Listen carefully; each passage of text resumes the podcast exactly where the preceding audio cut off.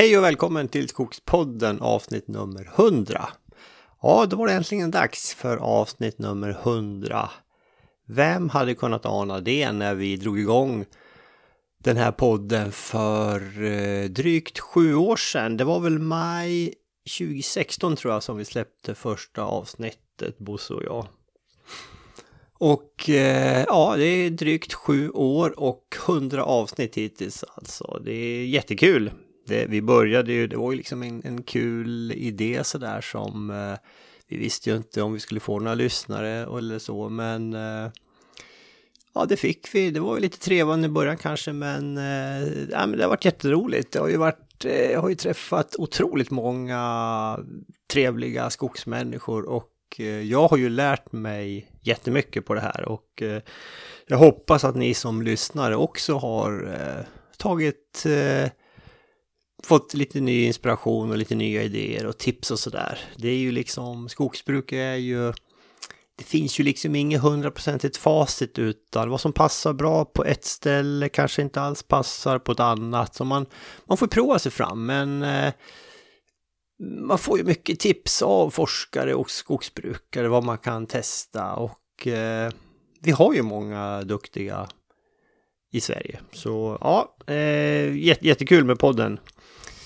Eh, jag har ju en eh, intervju den här gången förstås också och eh, jag hade tänkt prata lite mera om liksom 100-årsjubileet men förlåt, 100 avsnittsjubileet. Men det hinner jag inte för intervjun är så lång så jag tar det i ett annat avsnitt som kommer ganska snart. Jag kommer att släppa ett nytt avsnitt om, ja, inom två veckor och där kommer jag prata lite mera eh, en liten speciell grej som händer i samband med eh, det här 100 avsnittsjubileet. Eh, ja, men vi säger så så länge så återkommer jag inom kort. Håll utkik eh, i, i, i er poddapp när nästa avsnitt kommer. Lyssna mer där.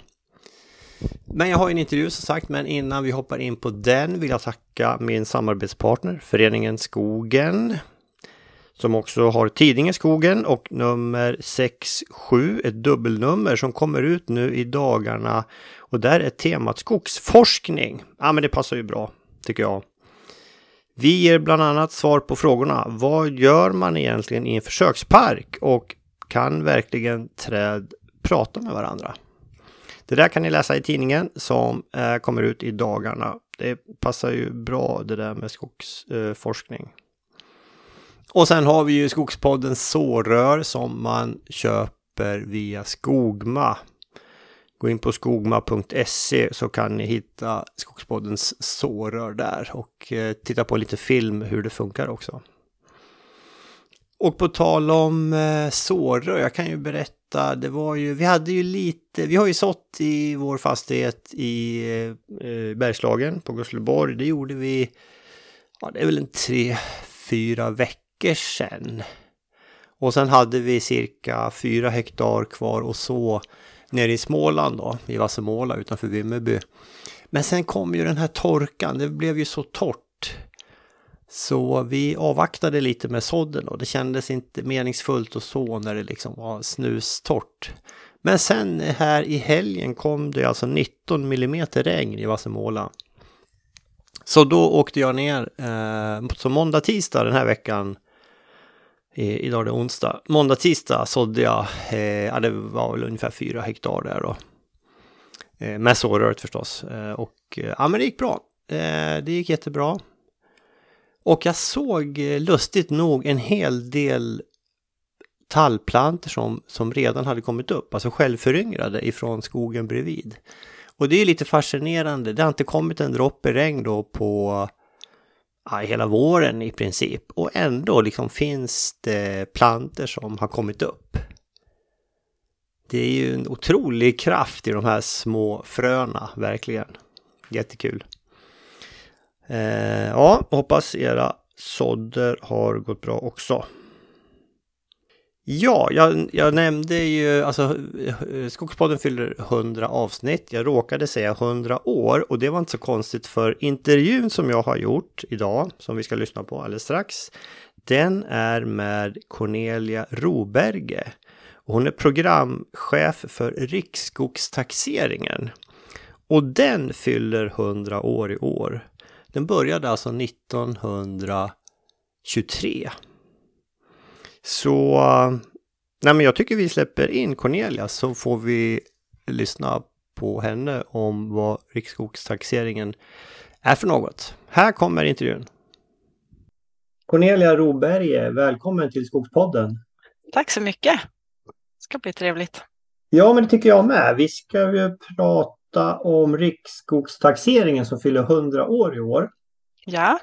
Och där är du programchef. Ja, jag är relativt nytillträdd. Det känns som att jag är nybörjare på väldigt mycket. Men eh, sen i höstas så har jag tagit över som programchef för Riksskogstaxeringen. Precis, Just det stämmer. Du kan väl berätta lite grann om dig själv och din bakgrund? Ja, eh, jag heter Cornelia Roberge, eller Roberge, eh, som är mitt ingifta namn, eller ja, namn som jag fått tagit sedan jag gifte mig. Eh, jag ska snart fylla 47 år och eh, jag eh, har tidigare jobbat med statistikproduktion på Skogsstyrelsen och eh, dessförinnan var jag här på SLU och disputerade om skoglig inventering och samplingmetodik när det gäller riktad inventeringar mot skogsskadegörare. Ehm, ja, två barn, man från Kanada, fransktalande Kanada och det är väl därför jag har det här lite lustiga namnet. Just det. Men du har jobbat med, med skog på SLU och Skogsstyrelsen i princip hela din yrkeskarriär? Ja, jag har också eh, varit eh, eh, på Stora Enso skog i Dalarna. Ja. Med, med eh, ja, först som, med skogsvårdsfrågor och sen med eh, virkesförsörjningsfrågor kopplat till certifiering och så. Mm. Men det var en relativt kort period innan jag flyttade tillbaka hit till Norrland. Ja, och eh, SLU, det är Umeå, eller hur? Ja, precis. Åtminstone där, där jag sitter är i Umeå. SLU finns ju i hela landet, både nere i Alnarp, i Uppsala utan Ultuna, men sen finns det också vi här i Umeå och så finns det olika försöksstationer och försöksparker runt omkring i Sverige som Just det. så man kan säga att vi finns i stort sett överallt. Ja, precis. Om man, om man vill vara snäll. Ja, precis. Och du, alltså programchef för Riksskogstaxeringen. Vad, ska vi börja med att... Du kan väl berätta, vad är Riksskogstaxeringen? Vi nämnde väl att den fyller 100 år i år, gjorde vi det? Ja, det gjorde vi. Bra. Eh, berätta, um, vad, är, vad är det för något? Eh, det är en årligt eh, återkommande inventering där vi besöker slumpmässigt utvalda platser runt omkring i Sverige eh, och det innebär att vi besöker alla möjliga ägoslag, alltså vissa av våra provytor ligger ute i sjöar och ute i havet och på åker och i städer och så vidare. Eh, men också framför allt av det vi mäter, det är ju så att säga skog och skogsmark. Dumpas de ut sa du? Ja, precis. Det, det var i början, alltså det var ju där i början på 1900-talet som man så att säga utvecklade metodiken för det här med statistiska urval och att ta inferens eller ta reda på saker kring en hel population baserat på stickprov. Mm. Um, så till en början så, så var det stora bälten som man gick i Sverige och så hade man, jag tror det var nio personer i lagen och så var det en lagledare och så gick man då den här bältet och registrerade när det förändrades eh, ägoslag eller om det förändrades typ av bestånd som man var i. Så på vardera sida så, av bältescentrum så klavade man in träd och mätte höjder och så vidare. Och så hade man någon som prickade av i papper och registrerade alla mätvärden. Då. Så var det andra som utförde mätningarna. Så det var en väldigt arbetsintensivt och så att de liksom gick då långa sträckor enligt den här i bältet. Då. Mm. Men sen här, har man ju, förlåt. Och det här började man alltså med för, för 100 år sedan? Ja. Eh, och alltså då 1923. Varför började man? Jo, men det var för att man var rädd för att själva virkesresursen höll på att ta slut. Om man tittar på, på eh, ja, det var ju en väldigt stor industrialisering då och eh, väldigt mycket virke flottades och togs ner till industrier och ja, det var ett, en stor efterfrågan. Mm. Och det var väl ett, ett, eh, en, just om resursen skulle räcka till eller om skogen höll på att ta slut helt enkelt. Mm. Som var upprinnelsen att man behövde göra den här kvantifieringen. Men sen var ju tanken också, i och med att man startade upp fältförsöksparkerna samtidigt, just att utföra experiment och se om det fanns möjligheter till att, så att säga, förbättra skogsskötseln eh, utöver det här med att ta reda på statistik över hur det såg ut. Ja. Så det var som en, ett, en tudelad satsning från Just Sverige då, ja. som startade för hundra år sedan. Jo, det här det känns ju som att, vi, att, att man var liksom tidigt ute och tittade på det här. Är vi, hur ser det ut i våra grannländer? Gjorde man liknande saker där? De var före oss. Var de före oss? Ja, det var faktiskt så att vi samarbetade väldigt intensivt. En pilotinventering utfördes i Sverige tidigare, men jag tror det var 2018 eller 1918. Men de som var först ut med nationell eh, riksskogsinventering, det var Norge. 20, eh, 1919 startade de, så de hade sin 100 års, sitt 100-årsfirande redan 2019. Och sen okay. därefter så kom, följde eh, Finland och sen Sverige. Okej. Okay. Ja. Så vi är trea bara. Ja, ja, Men det var väldigt tidigt sett ur, ur ett internationellt perspektiv. Så ja. har vi långa tidsserier. Finns dokumentationen kvar ifrån den här tiden?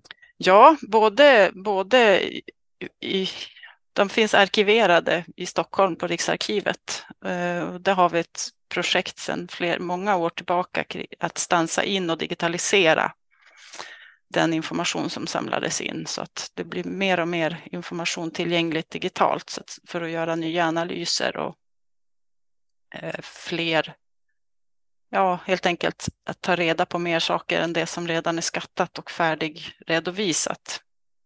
Ja. ja så det finns mycket som, som, eh, ja, som mer och mer försöker vi tillgängliggöra. Då. Vet du hur man liksom använde datan då för hundra år sedan? Tog, blev det liksom nya beslut på grund av de, de mätningarna man fick fram? Jag tror att då var det väl att, att det fanns en förvåning just att det faktiskt fanns mer än vad man trodde. Eh, mm. Just för att man sannolikt hade avverkat nära där, där man befann sig, alltså nära industrin. Man kanske hade avverkat nära sjöar, vägar, eh, vattendrag och, ja. och i och med att man flottade mycket så gissar jag att, att eh, eller inte gissar jag, det var nog så att, att, att eh, det var förvånande resultat att det fanns, eh, faktiskt fanns eh, virke så att säga kvar. Om man tittar på gamla tidningsklipp så, så, så var det ju framför allt att positiva nyheter vad jag förstått. Ja, Just det. Eh, jag såg, det finns ju en film på eh, SLUs hemsida som beskriver lite grann om eh, riksskogstaxeringens historia och sådär. Mm. Och där nämns det ju en väldigt en stor mosse som man var rädd att den liksom höll på att breda ut sig. Ja. Och, berätta lite om det. Um, ja, det här är ju egentligen mera försöksparkernas resultat och, och, data så att säga. Eh, man började ju stora projekt för, för att dika ut våtmarker och återplantera eh, för att höja, alltså höja virkesproduktionen. Eh, för att man var rädd för att det så att säga höll på att bli en försumpning. Mm. Sen är det väl inte så mycket som talar för att det verkligen var på väg att bli, att det var en pågående försumpning så här. Nej. Har jag förstått. Nej, precis. Du, hur lång tid tog eh, då taxeringen då för hundra år sedan? Hur lång tid tog det att göra? Hur menar du? Ja, alltså gick man kontinuerligt alltså, eller liksom, ja men nu är vi klara för i år. Ja, den, eh, vad var det, 1923 till 1929 tror jag det höll på hela tiden? Ja, men bara sommarhalvåret. Alltså fält eh, de. Mm. Sen är jag inte helt hundra, men jag tror att man gjorde ett, ett län åt gången. Ja, ja. Och sen för att hinna igenom hela landet. Då. Ja, just det. Ja, det är klart, det är ett, ett otroligt stort projekt. Ja, precis. Det var exakt. ja. Det var ju mycket, mycket liksom svedjebuk, skogsbete, brännved och alltså, ja, byggnation som det användes till utöver då den här bygg, alltså industrialiseringen och byggnaden av sågverken längs, ja. Längs, ja, längs, längs Norrlandskusten där. Men du, ska vi, om vi hoppar eh, lite mer till nutid då. Eh, hur, hur, hur går det till idag? Gör man, är det här varje år eller hur ofta gör man det och hur, hur går det till idag? Man kan väl säga att det har, där på 20-talet så gjorde man eh, varje år eh, en delmängd av landet.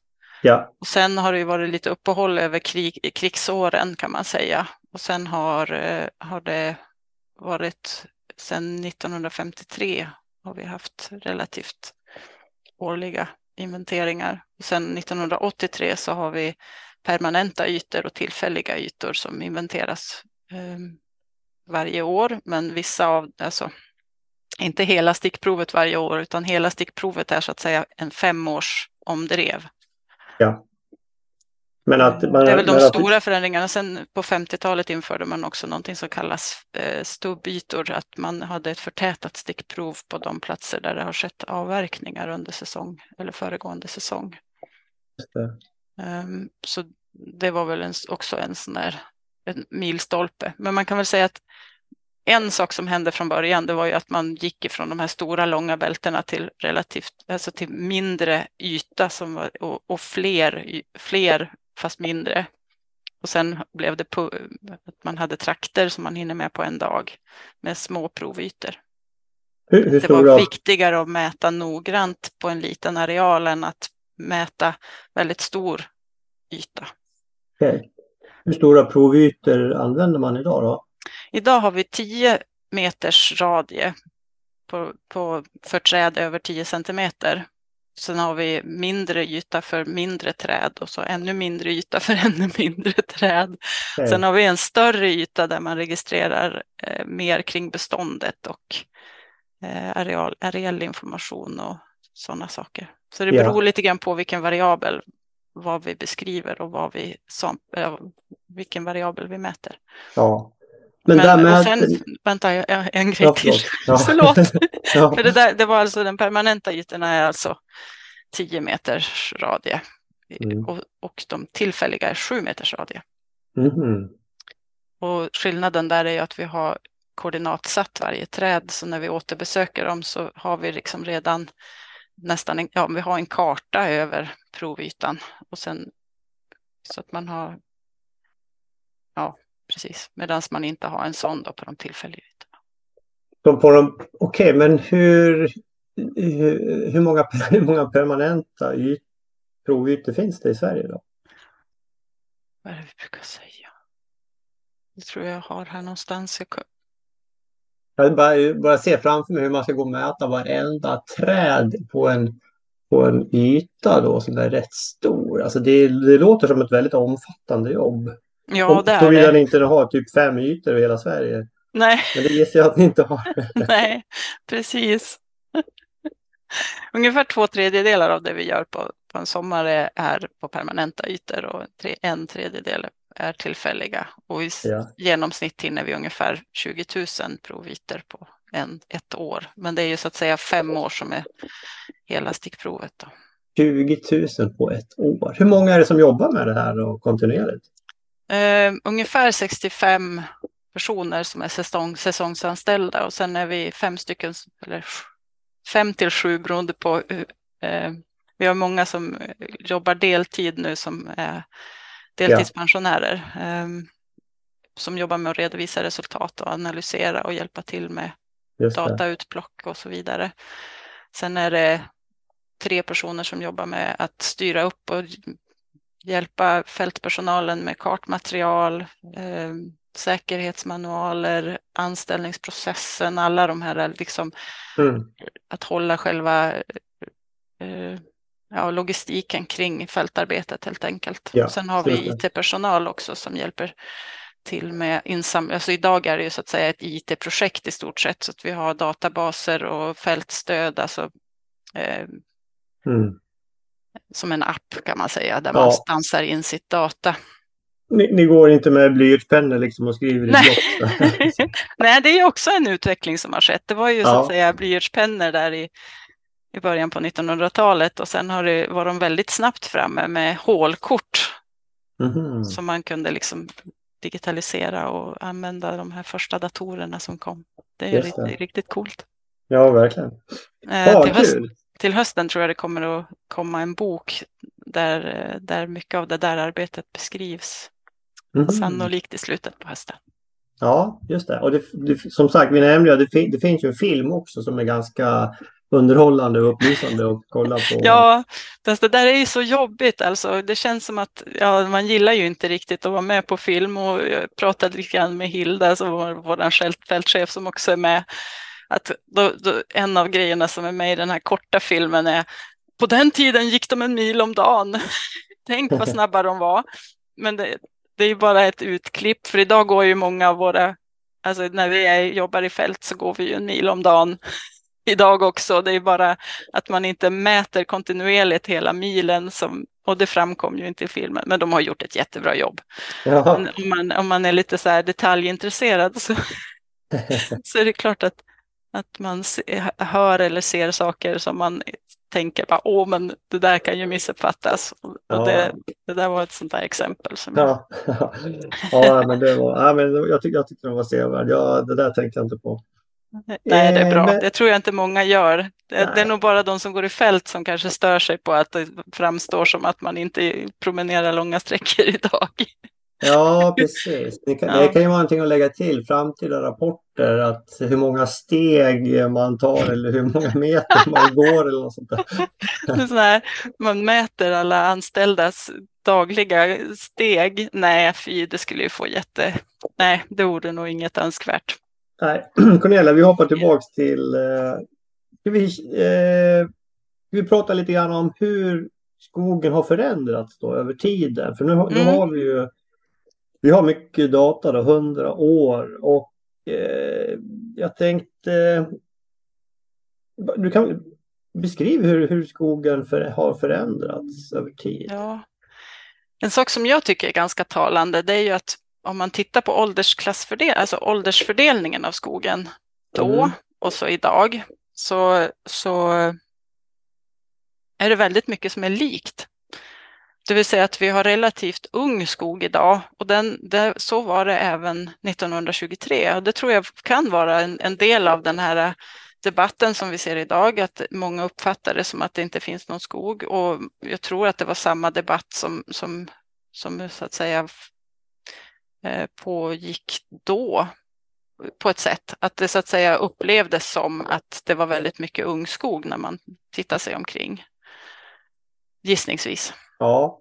Um, och när man tittar på åldersklassfördelningen så, så, så är, det, är det väldigt mycket yngre och, och medelålders skog idag och samma sak 1923.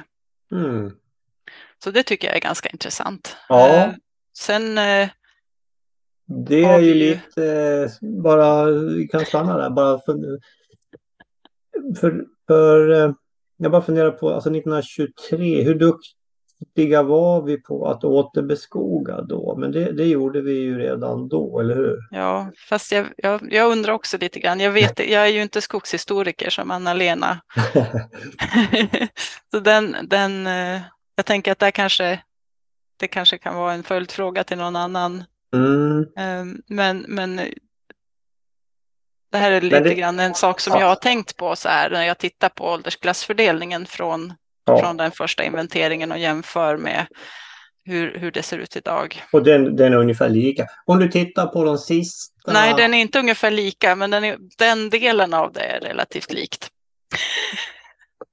För det är en annan sak som skiljer, det är ju att vi har väldigt mycket mindre av de här äldsta eh, skogarna mm. idag i jämförelse med då. Just det. Även om det så att säga har ökat de senaste 30 åren då sen, eller är det, oh, 30. Sen ja, ja, för det var min följdfråga. 90-talet då, mitt. För där har eh, andelen gammal skog har ökat sista 30 åren. Ja, precis. Exakt. Det är en sak som, som ofta kommer upp i debatten, att vi har, vi har ingen gammal skog kvar och så vidare. Alltså nu, alltså det mesta av vår skog är ju brukad. Skulle jag vilja säga. Håller du med mig? Um, ja. Om, om, vi, om vi bortser från liksom fjällnära. Om, om du säger åtminstone Götaland, Svealand och södra Norrland är ju det mesta av skogen brukad.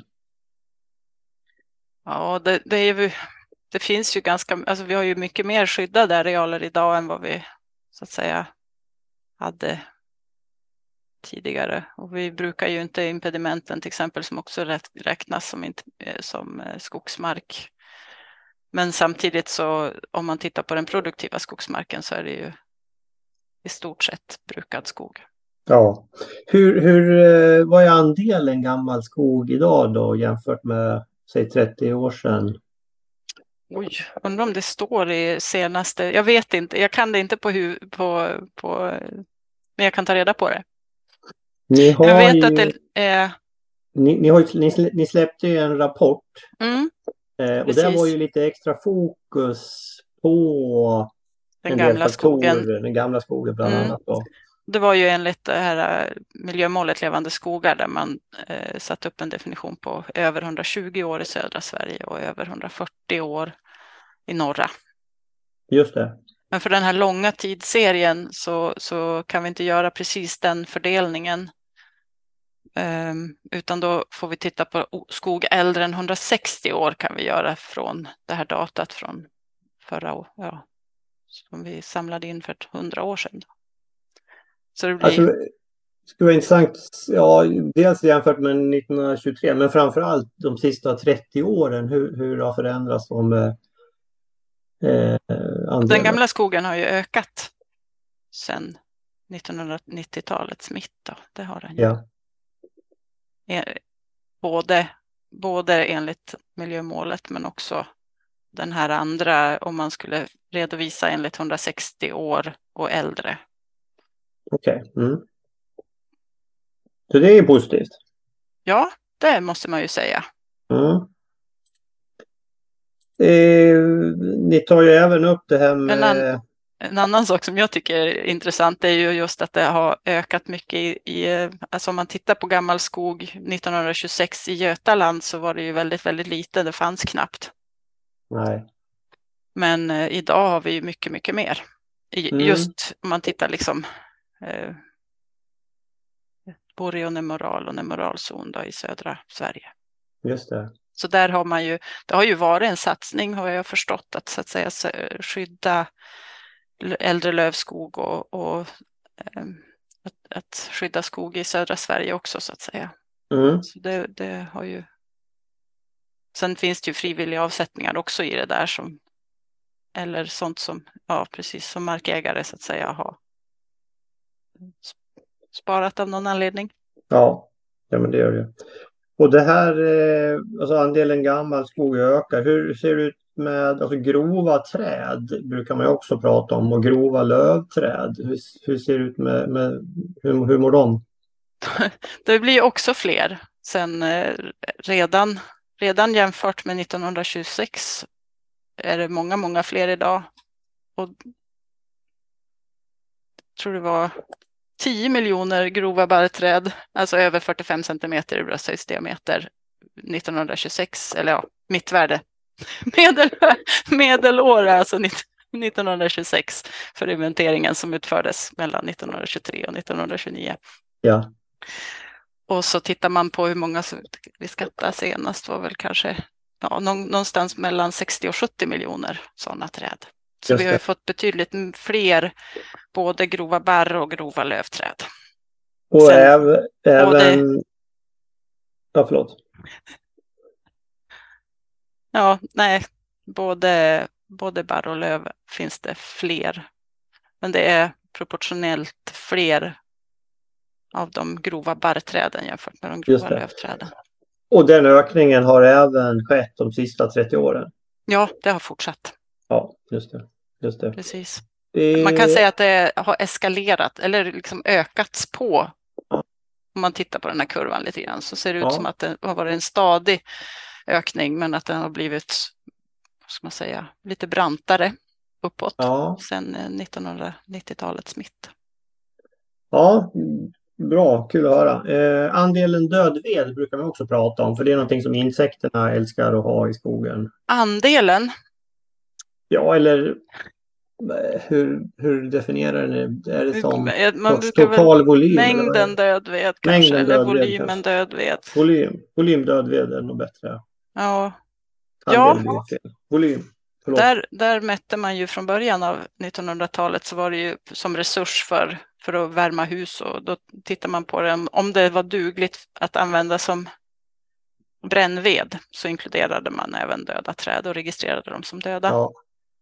Så vi har en skattning på, på hård dödved som skulle duga för brändved sedan 1926 också. Då. Men eh, vad skulle jag säga där? Jo, den, den har ju så att säga ökat från nästan 50 miljoner då i början på 1900-talet till nästan 150 miljoner idag. Oj. Och sista, sista 30 åren, hur ser det ut där då? Brantare uppåt. Ja. Men det här är ju så att säga inte en sanning överallt. Det här är sanningen för, alltså om man skattar på populationen i hela Sverige, men det är ju väldigt, väldigt stor spridning så att säga nationellt om man skattar för en mindre område. I vissa områden så kan det vara relativt stabil utveckling, att, att det så att säga tillkommer och försvinner i samma takt så att det är ganska, ganska platt utveckling och andra områden så ökar det ganska mycket. Så att, men om man tittar på Sverige som, ja, om man skattar för Sverige så, så är, är, är det så. Ja, så det, alltså där tänker jag, det har ju liksom blivit uppmärksammat att liksom insekterna behöver den här döda veden och sen är mm. det ju Ja, man får ju inte ta ut död ved eh, hur som helst ur skogen. Nej. Den måste, den måste ju ligga kvar. Så jag menar, det är ju mycket av det här som har fått effekt så att, att folk är mer uppmärksamma på det, tror jag. Jo, jag tror också att det har varit en, ett, ett stort fokus just kring att lämna både död ved och skapa död ved och högstubbar och annat som vi, som vi ja. ser. Så ja, det, det, har säkert bidragit till den här utvecklingen, det tror ja. jag. Ja, Eh, träslagsfördelningen då, hur, hur har den förändrats över tid? Ja, alltså det vi gick ut med nu var ju att tallen i volym gick över om granen i volym eh, för första gången. Sen eh, vet inte om jag har någon, om jag kan någonting så här på rak arm just nu. Ska vi se. Tallen gick omräknat som volym. Ja, men mm. Det låter väl bra? Lövträden ser ut att ha ökat. Jag vet inte om de har ökat. Jo, de har nog ökat i proportion också. Mm. Mm. Ja. Precis. Och, eh... Om man tittar, ja här hade jag en figur som jag kan berätta om. Träslagsandelar 1926 till 19, eller jämfört med 2019. Um, ehm, det var det löv som grupp har ökat, björk har ökat, övrigt löv har ökat mer. Alltså om du klumpar ihop alla andra lövträd för att, ja. ja. så har den gruppen ökat mer än björken som sådan. Mm. Alltså från 1926, mitt år, till mm. idag. Um, och sen barr har minskat i andel. I, och det här är alltså uttryckt i procent av totala virkesförrådet. Så ja. det är inte antalet träd. För antalet träd då blir det väldigt mycket mer björk. Ja. Okej. Okay. Så det är liksom. Precis. Är det för att vi är slarviga och röja som det är så mycket björk eller vad? ja, det är ju där... positivt. Det är, det är en positiv blandning att vi får in flera träslag naturligtvis. Ja, jag tror det... att det är väl en av, en av de saker man har tryckt på ganska länge nu också från, ja. från Skogsstyrelsen med flera, just att det behövs fler träslag och fler varia, mer variation. Det har ju blivit så uppenbart nu de senaste åren med, med ja. granbarkborrar och eh, ja, skogsbränder och... Eh, Precis. Och inte, sätta alla, inte sätta alla, alla ägg i samma korg. Nej, precis.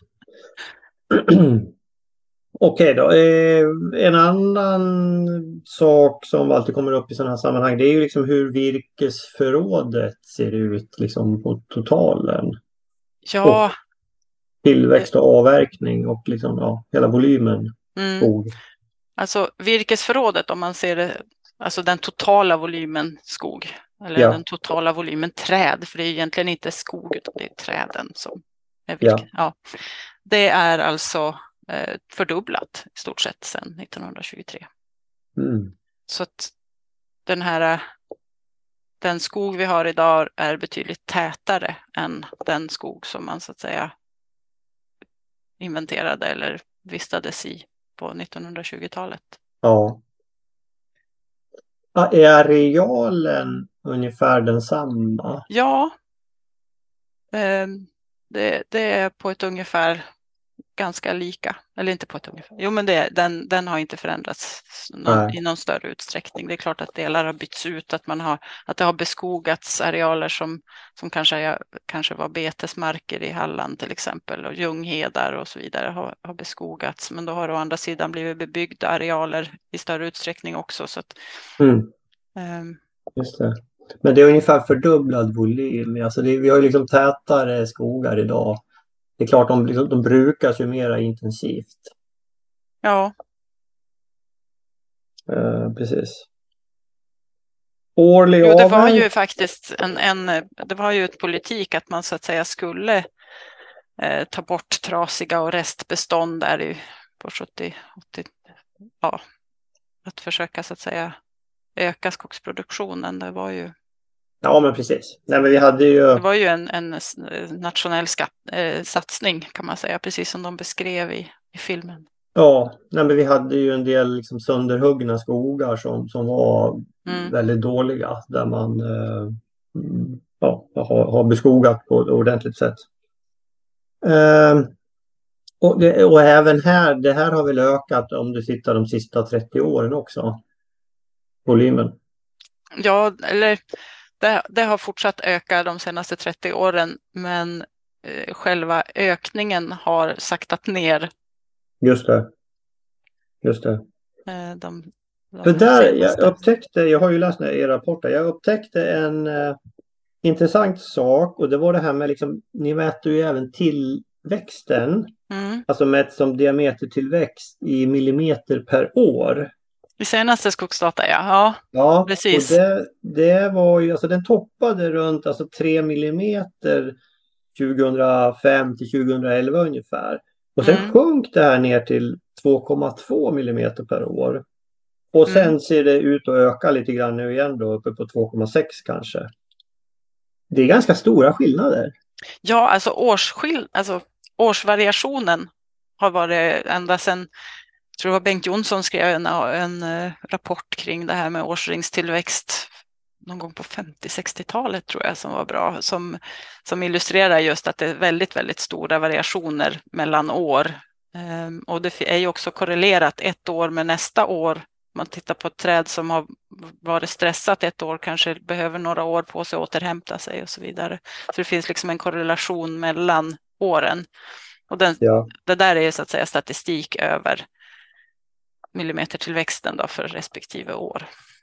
Och har, har man, förstår vi varför den sjönk så mycket då, alltså från 3 millimeter ner till 2,2 här ganska nyligen? Eh, det är ju inte helt hundraprocentigt säkerställt eller hundraprocentigt så att säga förklarat är det ju inte, men det är relativt starka misstankar eh, från växt, växtfysiologer och, och liksom, eh, som tittar på, alltså det finns någonting som kallas vapor pressure deficit Alltså att det blir för torrt i luften. Alltså man kan se träden som ett sugrör.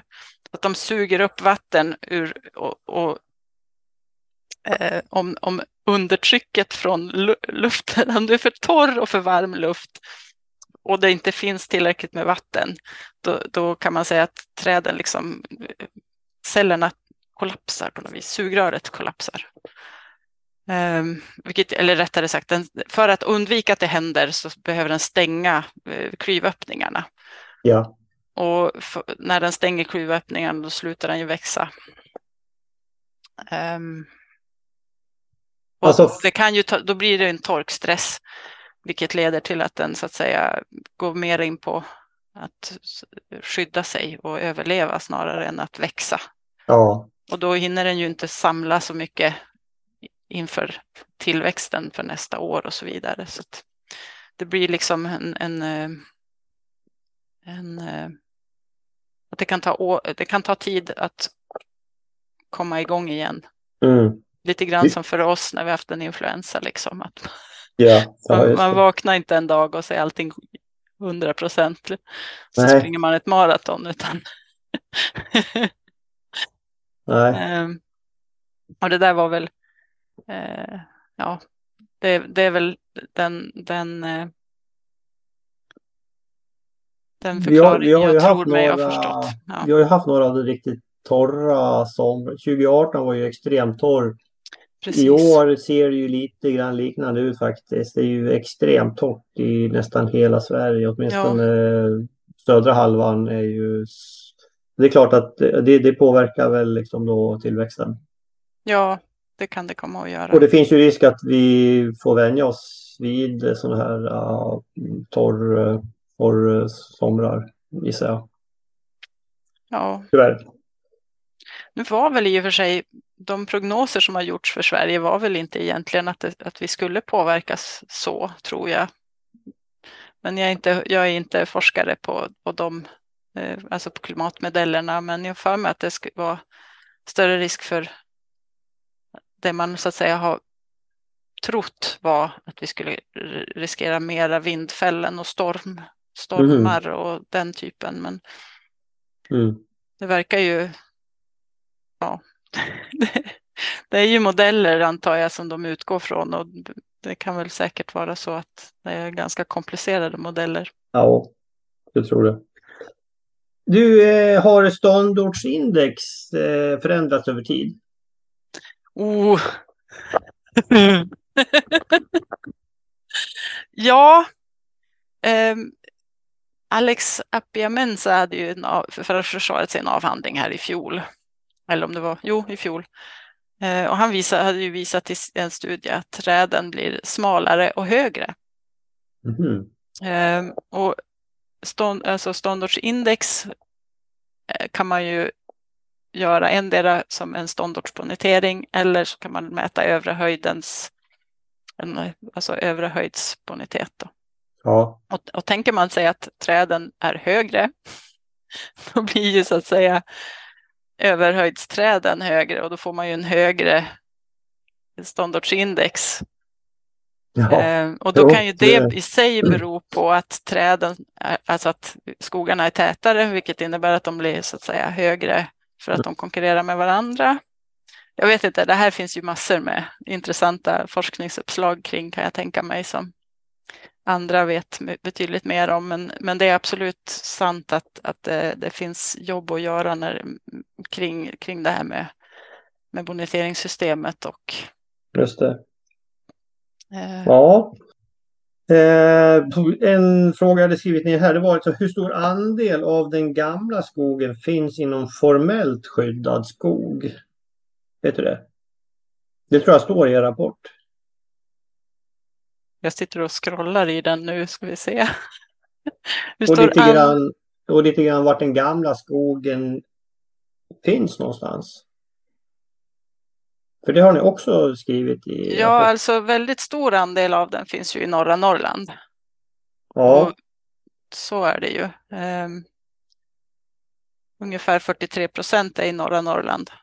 Medan 27 procent är i södra Norrland och sen är det 12 procent i Götaland och 18 i Svealand. sen har ni ju även kommenterat liksom var i landskapet den befinner sig. Ja, generellt så är den eh, längre ifrån väg. Eh, sen, du frågade först hur mycket som var inom formellt skyddade områden. Mm, ja. Eh, det blev många frågor på en gång. ja, det var nästan 450 000 inom formellt skydd i norra Norrland.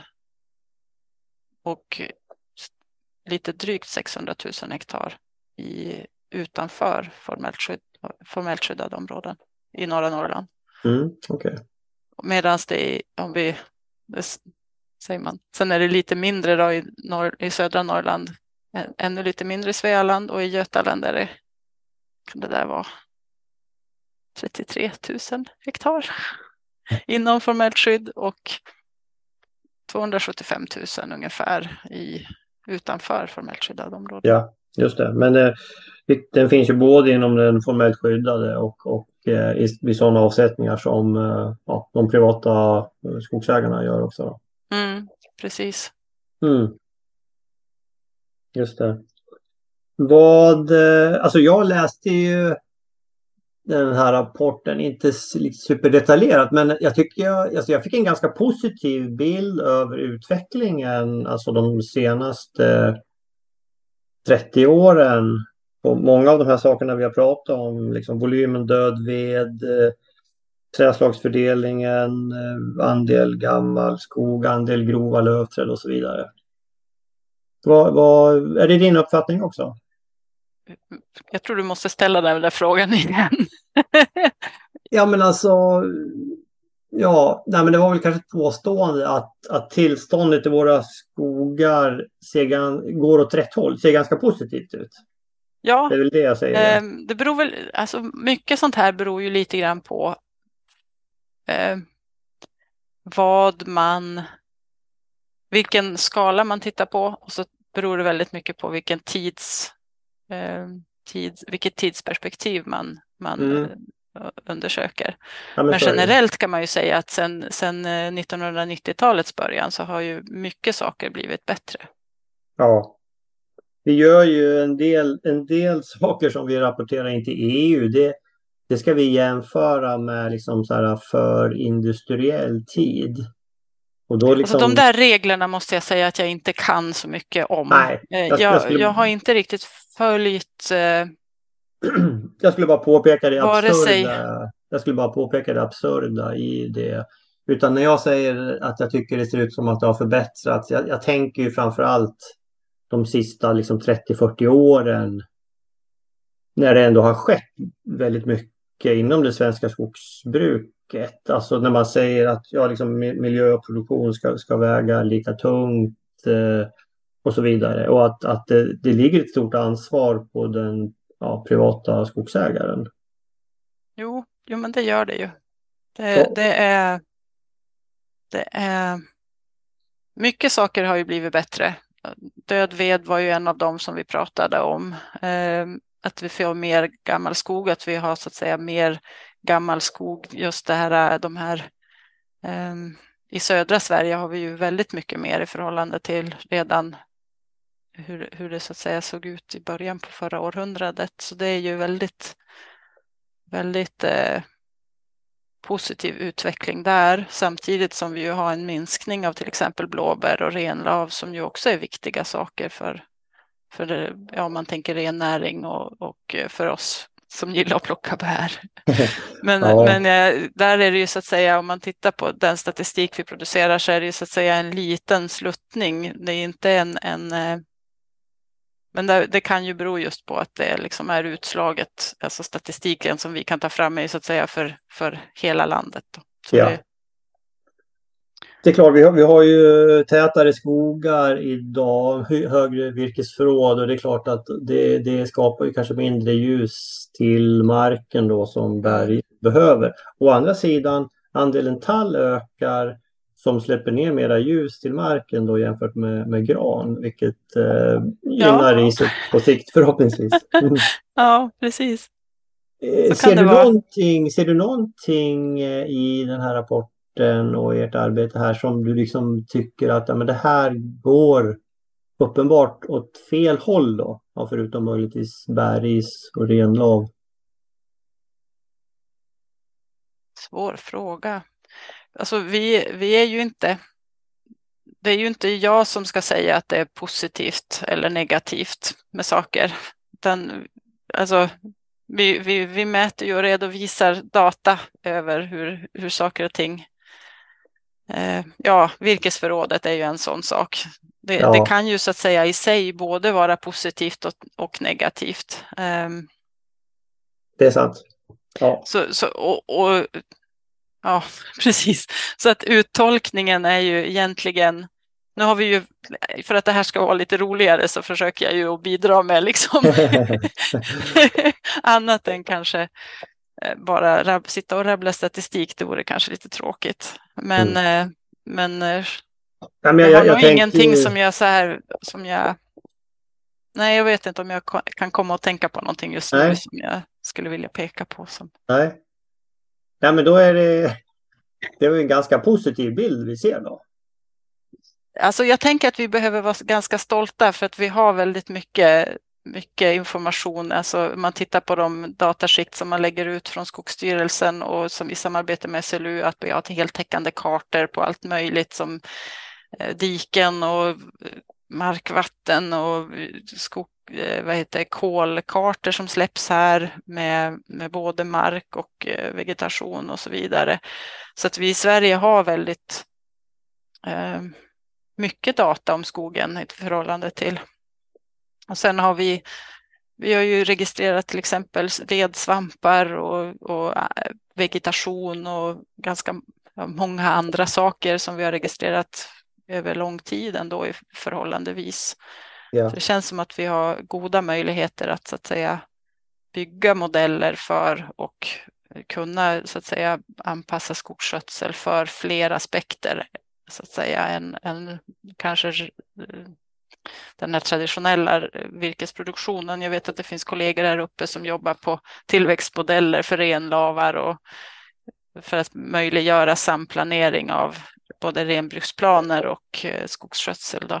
Ehm, ja. Så det finns väldigt många sådana målkonflikter där det liksom kan, kan eh, utvecklas någon form av planeringsverktyg för att underlätta kommunikationen också, tänker jag. Så det. Väldigt mycket är ju positivt ändå. Mm. Nej, Även om det så att säga just nu är relativt polariserad debatt som jag uppfattar det, så, så är det ändå väldigt, väldigt mycket, mycket som är positivt i det att vi så att säga har, har eh, mer och mer data och mer och mer information om skogen. Mm. Och, och, där många parametrar går åt rätt håll, eh, tycker jag åtminstone. Ja, men det gör det ju onekligen. ja, ja, Absolut. Ja. Nej, men det, det, det är, det är faktiskt ju... värt, och är man intresserad så kan vi ju rekommendera att läsa den här uh, rapporten som finns tillgänglig på er hemsida. Om man går in på SLU och söker på riksskogstaxeringen så hittar man den ganska lätt där. Man kan till och med ta bara slu.se och så snedstreck riksskogstaxeringen så kommer man till vår hemsida ja. så är det bara att klicka skogsdata. Där. Ja, kanon. Mm. Eh, eh, jag tror röjningsbehovet, är det något som ni kikar på också? Ja, det gör vi. Finns det några röjningsbehov i, i våra skogar? Um, ska vi se här. Röjd areal, ålder, det är faktiskt en sån siffra som efterfrågas årligen. Eh, ofta av Skogsstyrelsen men som också eh... när man åker och när man åker längs vägarna eller åker tåg så här så är det liksom, man tittar man på skogen så kan man ju se ibland så oh men där är det nog skulle behöva röjas lite grann och det är ju, man behöver ju bara gå till sin egen skog så ser man ju att det behövs röjas. Jag tror sällan jag stött på någon skogsägare som säger liksom att ja, men vi, eh, det ligger eh, allt är röjt som ska röjas. Även mm. de här eh, entusiasterna brukar alltid ha någon liten plätt som ska röjas inom närtid. Jo, det, det brukar många. Jag äger ju inte skog själv, men jag känner några och de brukar ofta säga att de har ett litet där dåligt samvete. Eh, nu ska vi se. Eh, omedelbart röjningsbehov i arealen, eh, plant och ungskog eh, som, har, eh, som enligt fältbedömningar då, har ett behov av röjning är ungefär 917 000 hektar. Och det kan ju jämföras med att vi årligen röjer ungefär 223 000 hektar. Så det är ju... Ja, det är ju nästan fem års uppdämt behov vi har då. Fyra och ett halvt. typ. Oj, oj, oj. Jag blir svettig bara. Men sen är det ju där, det där är ju relativt också. Det beror ju liksom, det finns ju, det var en avhandling här för inte så länge sedan att egentligen borde det vara så att vi bara hade björk, naturlig föryngring björk och så sprutar upp och så att man så att säga får högsta biomassaproduktionen eh, av, av att inte röja och inte gallra utan bara. Men jag vet inte var, var man, eller ja, Felicia Lidman var, som var det som hade en sån som tittade på den, de, de aspekterna. Eller, det var väl en skogsproduktion ja. skulle jag gissa mer, skogsskötsel. Ja. Nej, men, men jag, jag tror inte att det, jag tror att markägarna, eh, det är nog, hur säger man, det är nog bra att det är lite olika, fast det är klart, om man ska, om man ska maxa så, så är det nog ett, ett ja, stort, nej, ja, ett, en stor eftersatt röjning. Ja. ja. Är, det, är det andra saker som vi inte har pratat om som man bör nämna, tycker du, när det gäller riksskogstaxeringen och, och era resultat? Eh, som vi behöver nämna.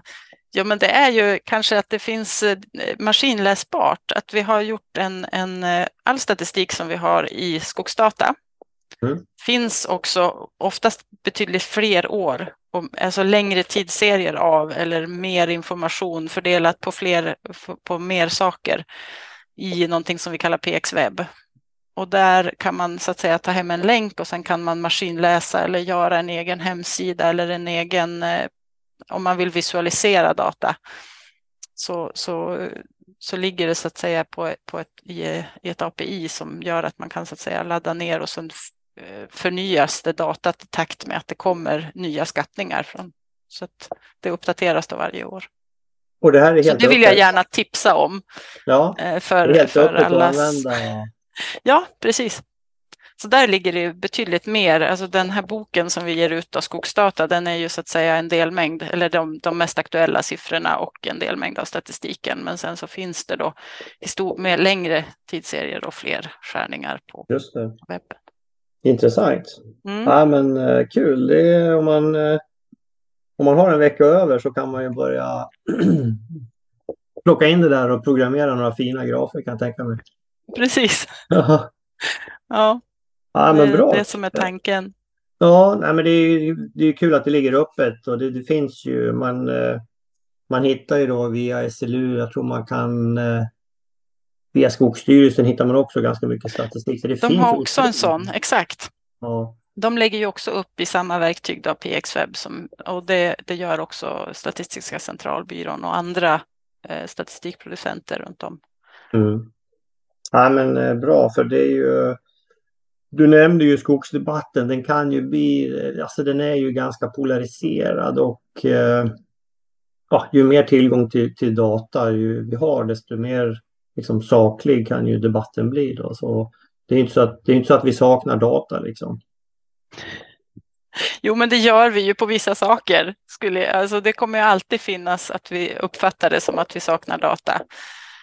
Tror jag. Att jo. det ligger i sakens natur beroende på vad, jag tycker att vi har väldigt mycket data i Sverige och vi har, en, vi har gjort en, en otrolig satsning på jag menar, artprojektet, att man så att säga tar reda på mer och mer och kartlägger svensk natur. Mm. Um, uh, och riksskogstaxeringen är ju liksom en delmängd av, av det strategiarbete som, har, uh, som Sverige så att säga har bekostat med ja. kunskap om. Ja. Sen, sen är det ju klart, Nej, men jag, jo, du har rätt. I stort så har vi väldigt bra kunskap. Ja. Och väldigt mycket data. Ja, men det, det, det jag menar är att det liksom eh, det, det, kan bli väldigt liksom mycket tyckande i skogsdebatten och, och, då kan man ju ha datat och liksom använda fakta istället så då blir det liksom kanske lite mer nyanserat. Ja, jo. Det var kanske det. Det är en förhoppning. Nu, just nu var det, det var väl bara här om veckan som det var en eh, ja, nej, ofta så tar man våra data och så säger man, men det här datat säger något annat. Och så båda, båda artiklarna man hänvisar till är baserade på våra data, men de har gjort olika saker med datat och dragit olika, mm. eh, alltså, så att våra data är användbara, men, men eh, beroende på vad man gör för antaganden och, och beroende på vad man eh, är intresserad av att undersöka så kan man komma till olika resultat. Och, och ja. så, att, så, att, det är inte så enkelt som att... Um, men det är ju väldigt viktigt att, att, den, att, uh, att den där vetenskapliga diskussionen för sig går och att de så att säga har data för det. Mm. Ja, nej men absolut. Det, du har helt rätt. Instämmer. Eh, Cornelia, vi har pratat ganska länge nu. Jag tror vi måste börja runda av. Det här var jätteintressant och eh, jag har lärt mig massor om riksskogstaxeringen. Den är ju...